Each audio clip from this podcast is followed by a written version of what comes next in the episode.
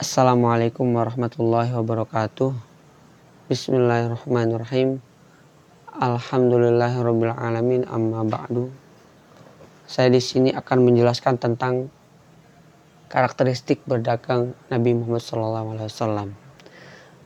Nabi Muhammad SAW adalah teladan terbaik dalam segala aspek kehidupan manusia, baik itu dari dakwah, sosial, politik, dan teladan dalam urusan bisnis.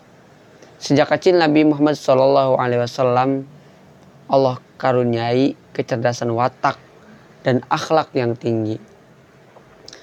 Dengan kecerdasan watak dan ketinggian akhlak yang terpupuk sejak dini tersebut telah menjadikan beliau pribadi yang jujur dan amanah. Itulah sebabnya beliau mendapat julukan Al-Amin, orang yang terpercaya di kalangan penduduk Makkah. Sekitar 25 tahun Nabi Muhammad SAW berkecimpung dalam dunia bisnis. Nabi Muhammad SAW telah mencontohkan etika dan moral yang ideal dalam berdagang. Menurut salah satu pakar ekonomi Islam nasional, yaitu Muhammad Syafi'i Antonio. Jujur, adil, ramah, cakap, senang membantu pelanggan, menjaga pembeli, tidak menjelekkan bisnis orang lain adalah karakter paten yang Nabi Muhammad SAW terapkan sehingga menjadikan seorang pembisnis yang terpercaya. Kita sebagai umat Nabi Muhammad SAW harus mencontoh bagaimana Nabi Muhammad SAW berdagang. Yang pertama adalah sifat jujur. Sifat jujur merupakan hal yang harus dimiliki oleh setiap manusia. Begitu pula dalam berbisnis. Kejujuran adalah prinsip esensial. Pedagang atau pembisnis yang tidak jujur tidak ada nilainya menurut Islam.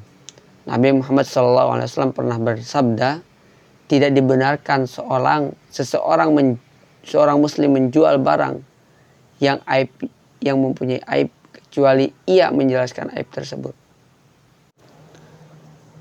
Seorang pedagang tidak boleh mengelabuhi calon pembeli dengan menghadirkan orang yang berpura-pura menawar dengan harga tinggi agar orang lain tertarik membeli dengan harga tersebut dalam suatu keterangan disebutkan bahwa Nabi Muhammad SAW pernah bersabda, Janganlah kalian melakukan bisnis bayun najashi, yaitu seorang pembeli tertentu berkolusi dengan penjual untuk menaikkan harga, bukan dengan niat membeli, tetapi agar menarik orang lain untuk menarik menaikkan penawarannya. Dalam hadis lain, siapa yang menipu kami, dia tidak termasuk golongan kami. Dan yang berikutnya adalah karakteristik berdagang Nabi Muhammad SAW adalah adil. Adil dalam dunia bisnis bisa diwujudkan dengan tidak membeda-bedakan konsumen. Pedagang yang bersikap adil terhadap pelanggannya akan lebih disukai. Sikap yang demikian bisa membuat pelanggan merasa puas dan nyaman. Yang berikutnya adalah ramah. Ramah adalah suatu sikap yang mesti ditunjukkan oleh seorang pedagang.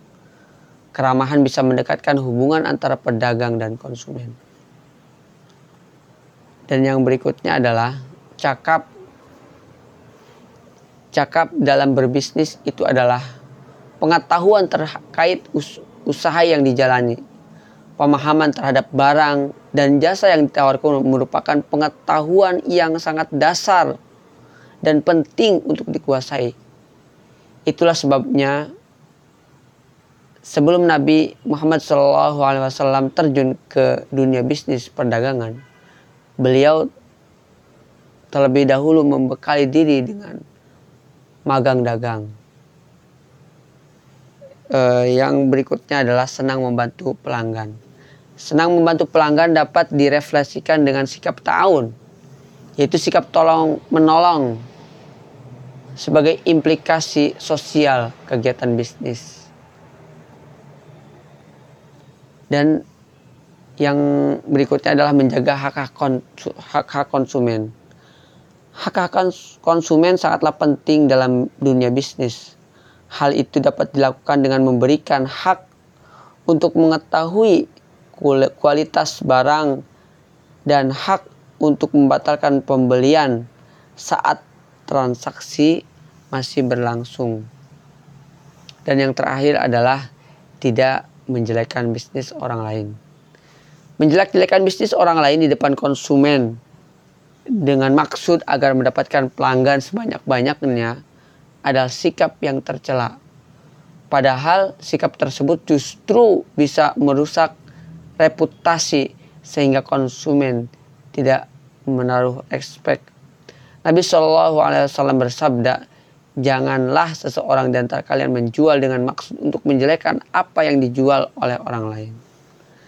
Demikianlah karakter yang diterapkan Nabi Muhammad Shallallahu Alaihi Wasallam dalam berbisnis dengan hal-hal yang diridhoi oleh Allah Subhanahu Wa Taala tersebut segala sesuatu akan menjadi berkah. Tak heran jika dahulu Rasulullah Shallallahu Alaihi Wasallam menjadi pembisnis yang sukses dengan meneladani pribadi Rasulullah Sallallahu Alaihi Wasallam semoga kita senantiasa dilimpahi rahmat oleh Allah Subhanahu Wa Taala. Wallahu alam. Assalamualaikum warahmatullahi wabarakatuh.